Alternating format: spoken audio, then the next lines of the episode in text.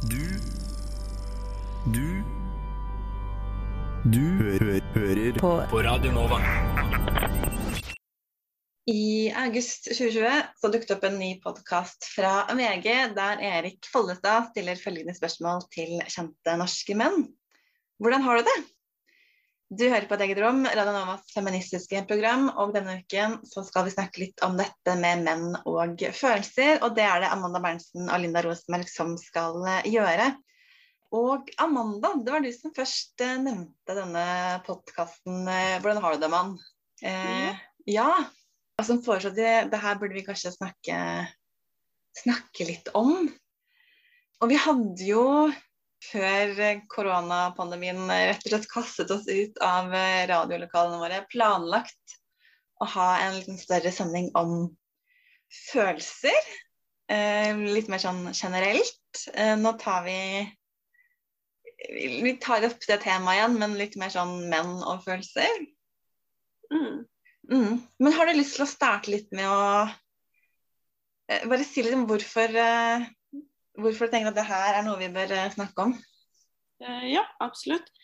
Fordi ja, jeg ønska å snakke om podkasten 'Hvordan har du det, mann?' Fordi det fikk meg til å tenke over hvilken nytte det kan ha for gutter og menn da, til å tørre å åpne seg opp mer for hvordan man har det.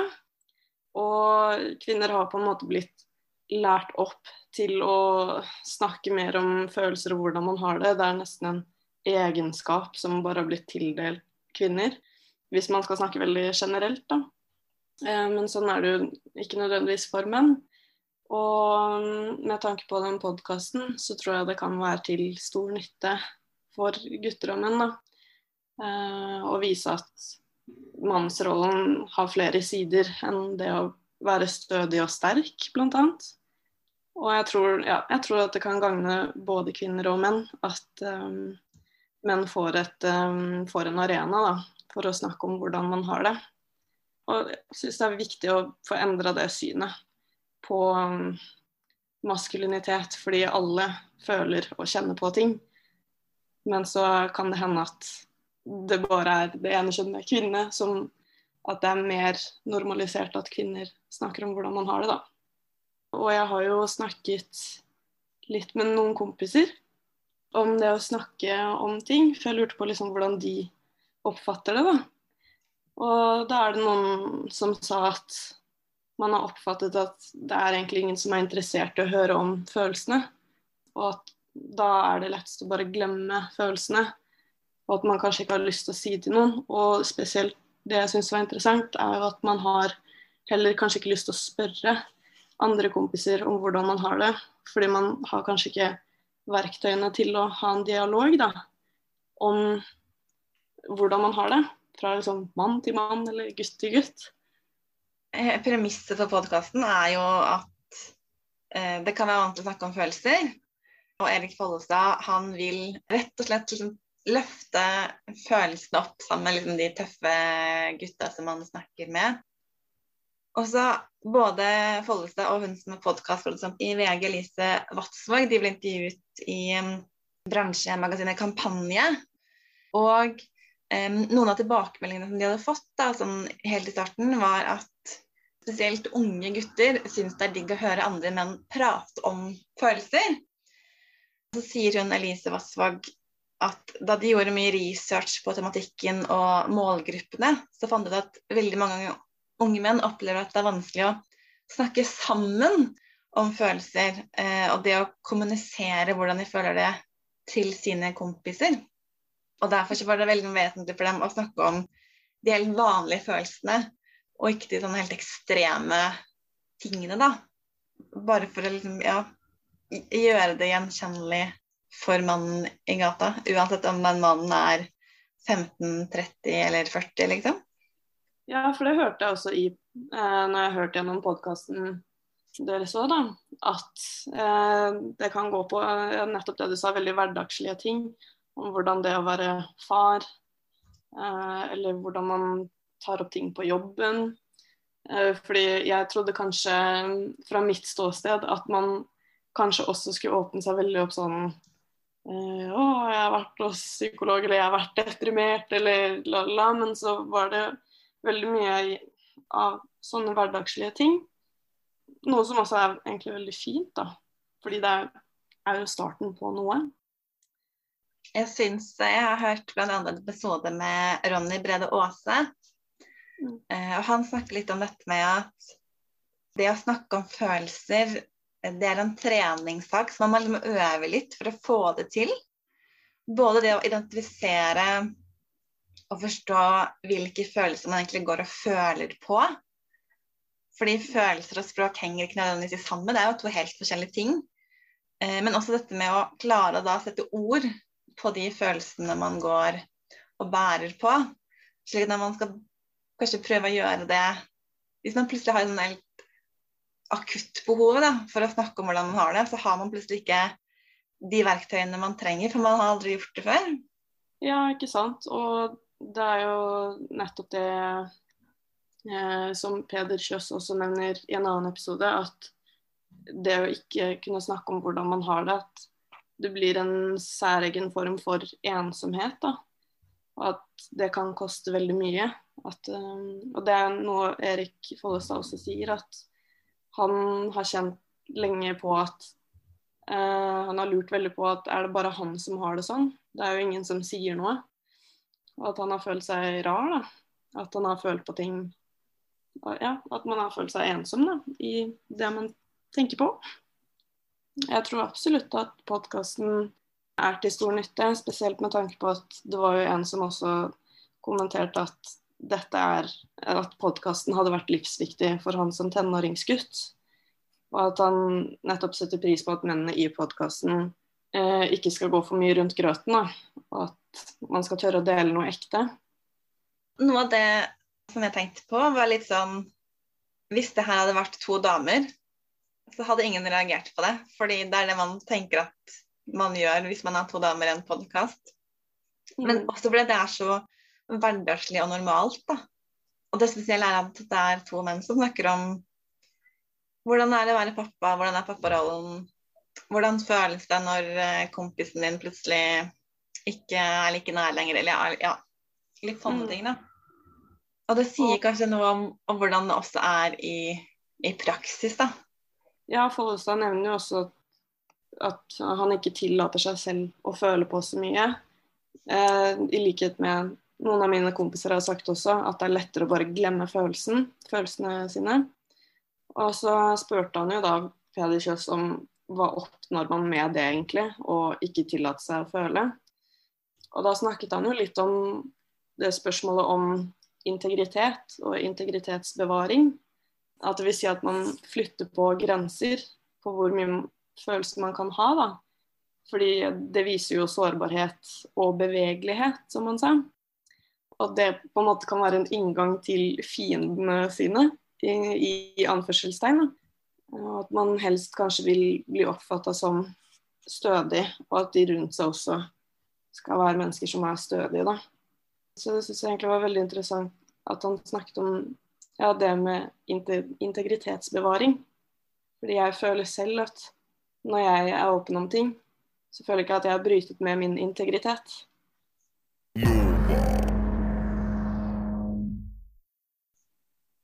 Jeg leste litt om en eh, amerikansk studie fra 2011. Eh, nå har jeg glemt å notere navnet på en av forskerne, men jeg tror hun heter Amanda Rose. Og hun sier det er en pressemelding da, Eh, og ikke selve studien. Men dette med at for mange menn så kan det å snakke om følelser At man, man tenker at det gjør bare problemene større. At det, det er noe med nærværet, at man blir tvunget til å være i de følelsene. Da blir problemene større. Og derfor så er det kanskje lettere å tenke at hvis jeg gjør andre ting, så blir det i blåst opp, og så kan man glemme det litt. Og så tenker man at da er kanskje problemet løst, da. Eller sånn Den retten for å gå inn i det, på en måte. Mm. Og um, det er også noe han snakker om, å forskyve problemene. Og jeg syns det var veldig eh, morsomt å høre at Peder Kjøs snakka om det med å utsette, utsette å betale en regning en dag. Fordi da snakket han om at uh, ja, hvis han venter en dag med å betale regning, regningen, så sitter han igjen med følelsen av at han ikke lar seg dominere, f.eks. At han sitter igjen med følelsen at man bestemmer. Men også det med, som du sier, at hvis man utsetter det og ikke gjør noe med det, at det til slutt forsvinner. Men noe av det Erik har opplevd da, er at det egentlig bare sitter i bakhodet hele tiden. Og da spesielt med jobb, da, som Peder har snakket om, nevnte han. At det har vært ting Hvis han har måttet tatt opp ting på jobb, og så har han utsatt det. Fordi han ikke vil deale med det likevel, liksom. Når han har utsatt det, så er det bare borte, på en måte. Og det tror jeg kan være en gjenganger til mye annet, da. Når det kommer til hvordan man har det. Adam eh, Schjølberg han har jo skrevet en bok eh, som heter 'Manual', som tar for seg hvordan tradisjonell maskulinitet kan være med å hindre menn fra å ha en sunn mental helse. Og i denne boken så har han jo flere eh, Han er jo veldig sånn personlig også, og skriver bl.a. Eh, om en episode hvor han ble voldtatt, og hvordan det har liksom påvirket han særlig følelsesmessig altså har han kommet med en kronikk eh, i ettertid hvor han skriver om at det at han eh, er en mann som har blitt voldtatt, det var det på en måte ikke noe rom for. Så han gjorde masse intervjuer om denne boken som alle var interessert i fordi det handler om menn og følelser. Så var det ingen som ville måtte, gå inn eller ta opp denne voldtektshistorien, for ingen hadde liksom noe språk for å skrive om det. Og dermed så opplevde han også at rommet for det å liksom dele var veldig lite. At den har liksom Han delte noe ut, og så skjedde ingenting. Fordi ingen turte å liksom komme an i møte. Eh, ingen turte å spørre eller, eller ja, bare høre hvordan, hva, hvordan har du det nå. Det var liksom ikke noe rom for å uttrykke følelsene knyttet til akkurat den hendelsen som sikkert har vært veldig sånn, definerende i hans liv. da. Eh, og som man opplever at det hadde mest sannsynlig ikke skjedde hvis det var en kvinne som skrev en bok om følelser og sa en gang så ble jeg voldtatt, og det har definert veldig mye av meg i ettertid. Så hadde kanskje det vært liksom hovedsaken i alle disse intervjuene i ettertid.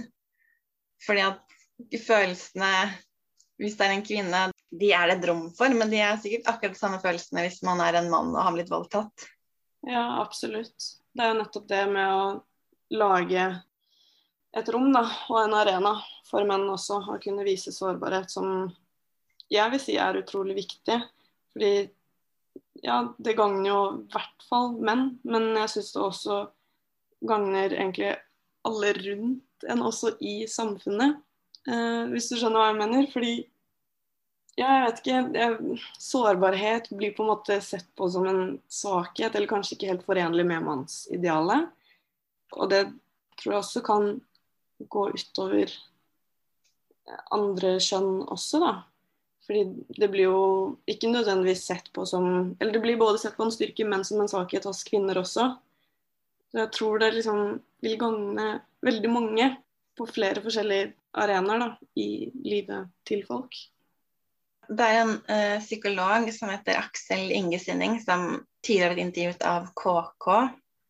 Og en av de tingene han nevner der, er at når han jobber med menn, så jobber de vel ofte med følelser som sorg, skam og skyld.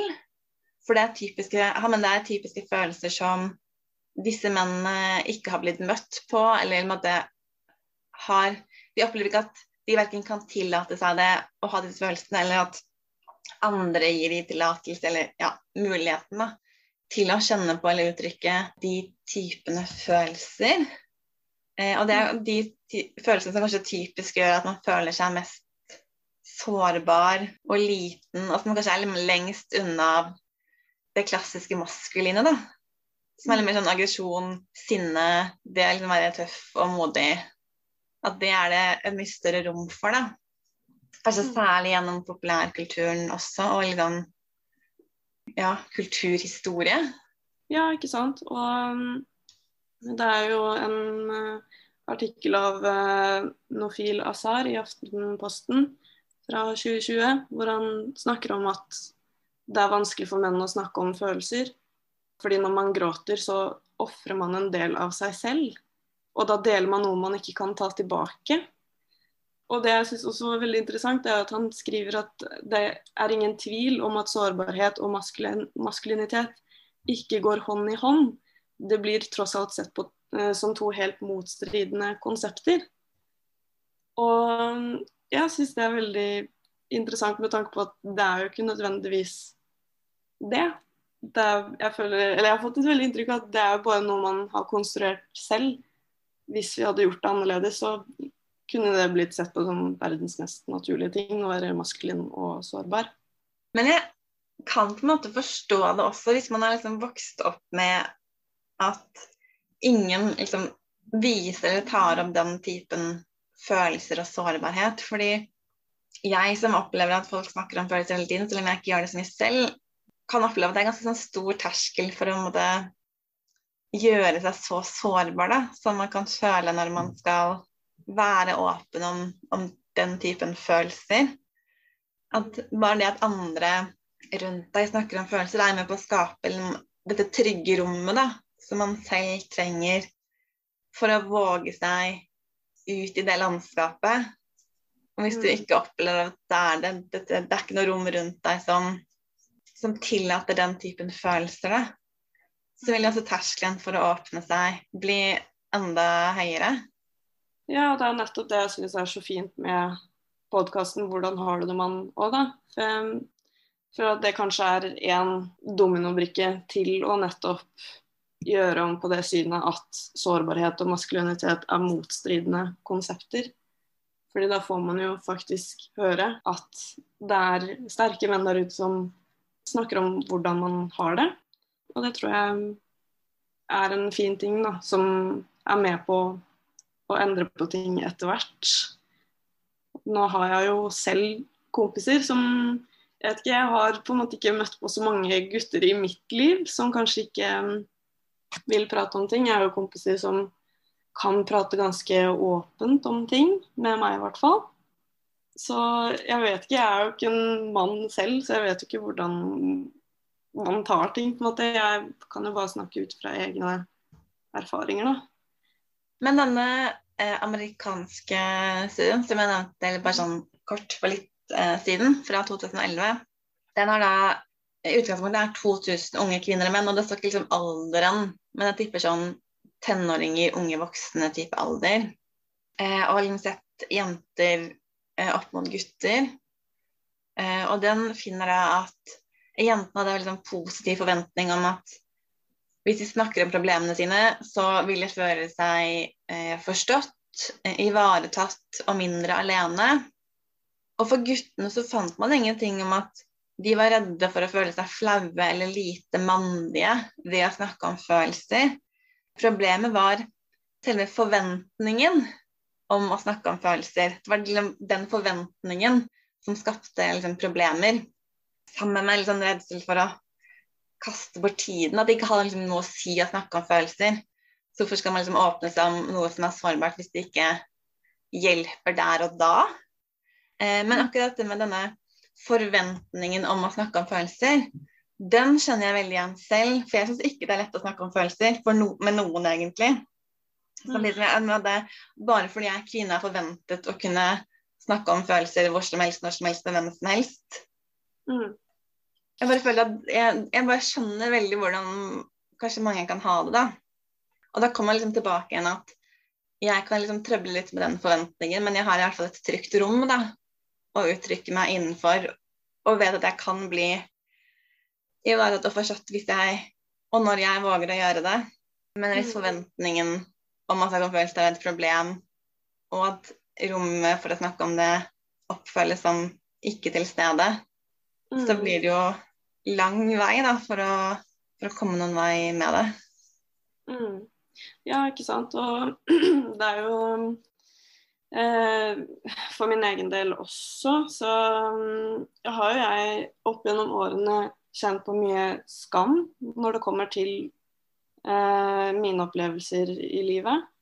Så det har jo tatt lang tid for min del også å bare kunne være åpen om hvordan jeg har det, og sånn, selv om jeg er en kvinne, da. så ja, det er jo egentlig ja, ganske interessant det du sier om forventningen til å bli møtt. Fordi jeg også Eller jeg har jo tenkt nettopp det med at jeg føler på en viss skam for å snakke om hvordan jeg har det. I hvert fall før. Nå er det jo ikke slik lenger, heldigvis. Men um, ja, jeg syns det er veldig interessant hele greia, for jeg føler det er veldig individuelt også. Og det er nettopp det, da. Med tanke på at maskulinitet er ikke bare én ting, fordi alle sammen er jo forskjellige. Og det er noe også Erik Follestad nevner også i episoden med Peder Kjøss, at han har opplevd at alle han har snakket med er veldig forskjellige når det kommer til å snakke om hvordan man har det. Det syns jeg også er en viktig ting å få med. Så selv om man er en gutt eller eh, en jente, så betyr det ikke at man enten er ekstremt åpen for å snakke om følelser. Man trenger ikke å være det ene eller det andre, da. Selv om man har det ene kjønnet.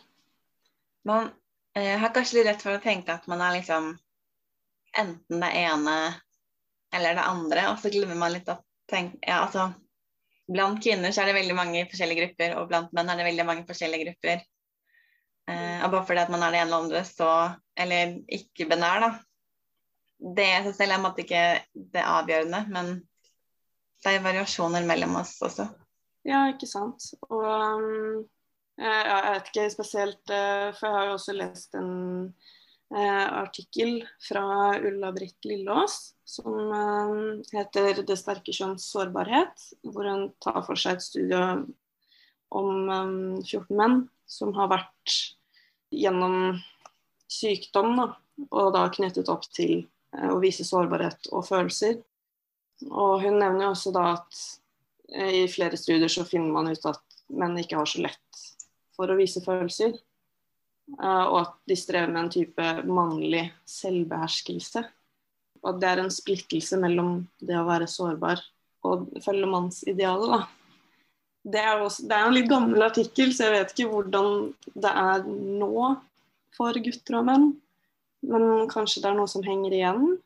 Fordi det er jo et ideal som står ganske sterkt, kanskje.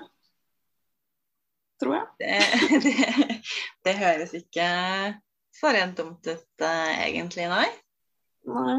Og i hvert fall med tanke på at ja, med, i, med, tanke på forventninger igjen, da. Eh, fordi det er en mann i den, det studiet som snakker om hvordan han har det. Og Ulla spør jo hvorfor snakker du med meg om dette her, og ikke kona di? Og da sier han jo sånn Deg regner jeg med at jeg aldri møter igjen, men hvis jeg snakker om det her med kona, så blir det bare mas. Så det kan godt hende at det ligger noe med det i forventning. Da. Han snakker jo også mye om det at konene til disse mennene i studiet, de også blir nesten syke av at de snakker om hvordan de har det, for de tar det så innover seg. da. Og de vil ikke utsette dem for Eller ja, da ser de bare på det som mas, egentlig. Å være åpen om hvordan man har det. Du lytter til Radio Nova. Jeg bare lurer litt på, fordi følelser kan jo bli, eller blir ofte satt litt opp mot det å være måte, rasjonell og logisk. Uh, det, det, er litt av den eh, grunnen til at følelser er liksom det feminine, mens det rasjonelle er liksom det maskuline. Og kanskje er liksom at menn har en liksom, mer en iboende tendens til å ville rasjonalisere og finne logikken i ting, da. Istedenfor liksom bare jeg vet ikke, være i en følelse, på en måte. Eller man vil liksom Et ønske om å gjøre det så logisk som mulig. Eh, altså, noen ganger så må man bare stå i det kaoset det kan være, da. Til det har liksom roet seg. Mm. Og det også kan gjøre at det føles liksom skummelt å skulle gå, gå inn i Som man gjør da når man skal snakke om hvordan man har det. Så må man på en måte Det er vanskelig å skulle snakke om hvordan man har det, og samtidig skape en avstand til den følelsen, da. Slik at hvis man ikke helt tør å liksom gi slipp på det rasjonelle, så blir det også vanskeligere å kunne åpne seg. Det er bare noe som slo meg akkurat nå. Jeg vet ikke helt hvor uh... Om det faktisk er sånn i virkeligheten. Ja, men det er gøy at du sier det, faktisk. fordi det er nettopp i den studien så er det også en annen mann som snakket uh, om det å oppleve datteren på sykehus. Og han var den eneste mannen der, for han var alenefar. Og så ser han alle mødrene rundt som er veldig i nuet, da. Og viser følelser. Mens han kjente veldig på at han var mer, tenkte mer praktisk, fremtidsrettet. At vi skal videre fra dette. Hva skjer next? Så han la veldig merke til en forskjell med det. da, At han tenkte mer praktisk over det, mens disse mødrene rundt, de hva han sa, noe med sånn falt i veggen nesten over ting som skjedde. Fordi de var så i nuet, da. Mens han var, var veldig sånn eh, rasjonell på det, da. Så jeg vet ikke, i hvert fall fra hans perspektiv så syns jeg det var ganske forenlig med det du sier nå. Så, eh, jeg bare kom til å tenke på dette med og Du stilte spørsmål om, om det har blitt bedre, liksom, men det kanskje ikke er sånn som det var før. Og jeg har litt sånn følelsen av Jeg kan være bare at jeg selv har blitt mer voksen. Men at liksom, de siste 15 årene, da At man har blitt mindre sånn Mindre fokus på at følelser er noe som sitter oppi hodet på deg, til å snakke om at følelser er noe som er mye mer kroppslig. Da. Alt liksom at følelser det mentale og det fysiske henger mye mer sammen. Da. Men man er mye mer opptatt av den koblingen. Og det gjør det kanskje også enklere i dag for alle kjønn å snakke om følelser. For det er ikke liksom bare noe som kommer ut av munnen på deg, men det er liksom noe som påvirker eh, livet ditt på en veldig sånn helhetlig måte. Mm. Jeg bare, liksom, det kanskje er litt sånn Det har jo alltid vært sånn, men man kan kanskje snakke mer om det nå, da, de siste fem-ti årene enn man gjorde før. Mm. Eh, fordi man generelt har snakket mer om følelser og det mentale de siste ti årene. Mm. Og jeg ser jo spesielt med tanke på korona også, at um, jeg ser mer Eller nå kan det hende at jeg kanskje ikke har lagt så godt merke til det før korona, men jeg ser i hvert fall nå da, at det er flere gutter og menn på sosiale medier som åpner seg litt opp. Jeg kom f.eks. over der en gutt jeg har fulgt siden videregående. Kjenner han ikke så godt, egentlig, men um, plutselig nå så ser jeg f.eks. at han blant andre da, deler mental helse-innlegg på Instagram. Noe som jeg nesten ikke forventet at han skulle gjøre. Men så det, jeg vet ikke om det kanskje har noe med også koronaen. Det føler jeg i hvert fall veldig på meg selv. da. At det har vært en kickstarter for å eh, anerkjenne hva som skjer med en. Men jeg ser også ja, at flere gutter også deler innlegg på Instagram som snakker om mental helse. Og jeg vet ikke om det er noe med koronaen at det er mange som har måttet møte seg selv i denne tiden. Da. Men jeg ser i hvert fall mer av det nå eh, enn før. Det gjør jeg. Jeg vet ikke, jeg kan godt hende at det er noe med det. At man har mye tid til å tenke over ting i korona. Og så føler man kanskje at man er litt mer i samme båt, på en måte. Mm. At hvis jeg ikke har det så godt nå, så er det ganske stor sannsynlighet for at kompisen heller ikke har det så bra. Fordi vi sitter jo bare hjemme og sturer uansett. Og dermed mm. så senker man også terskelen litt for å sende til en sånn sender sånn hvordan har du det egentlig? Og det merker jeg også med min vennekrets også.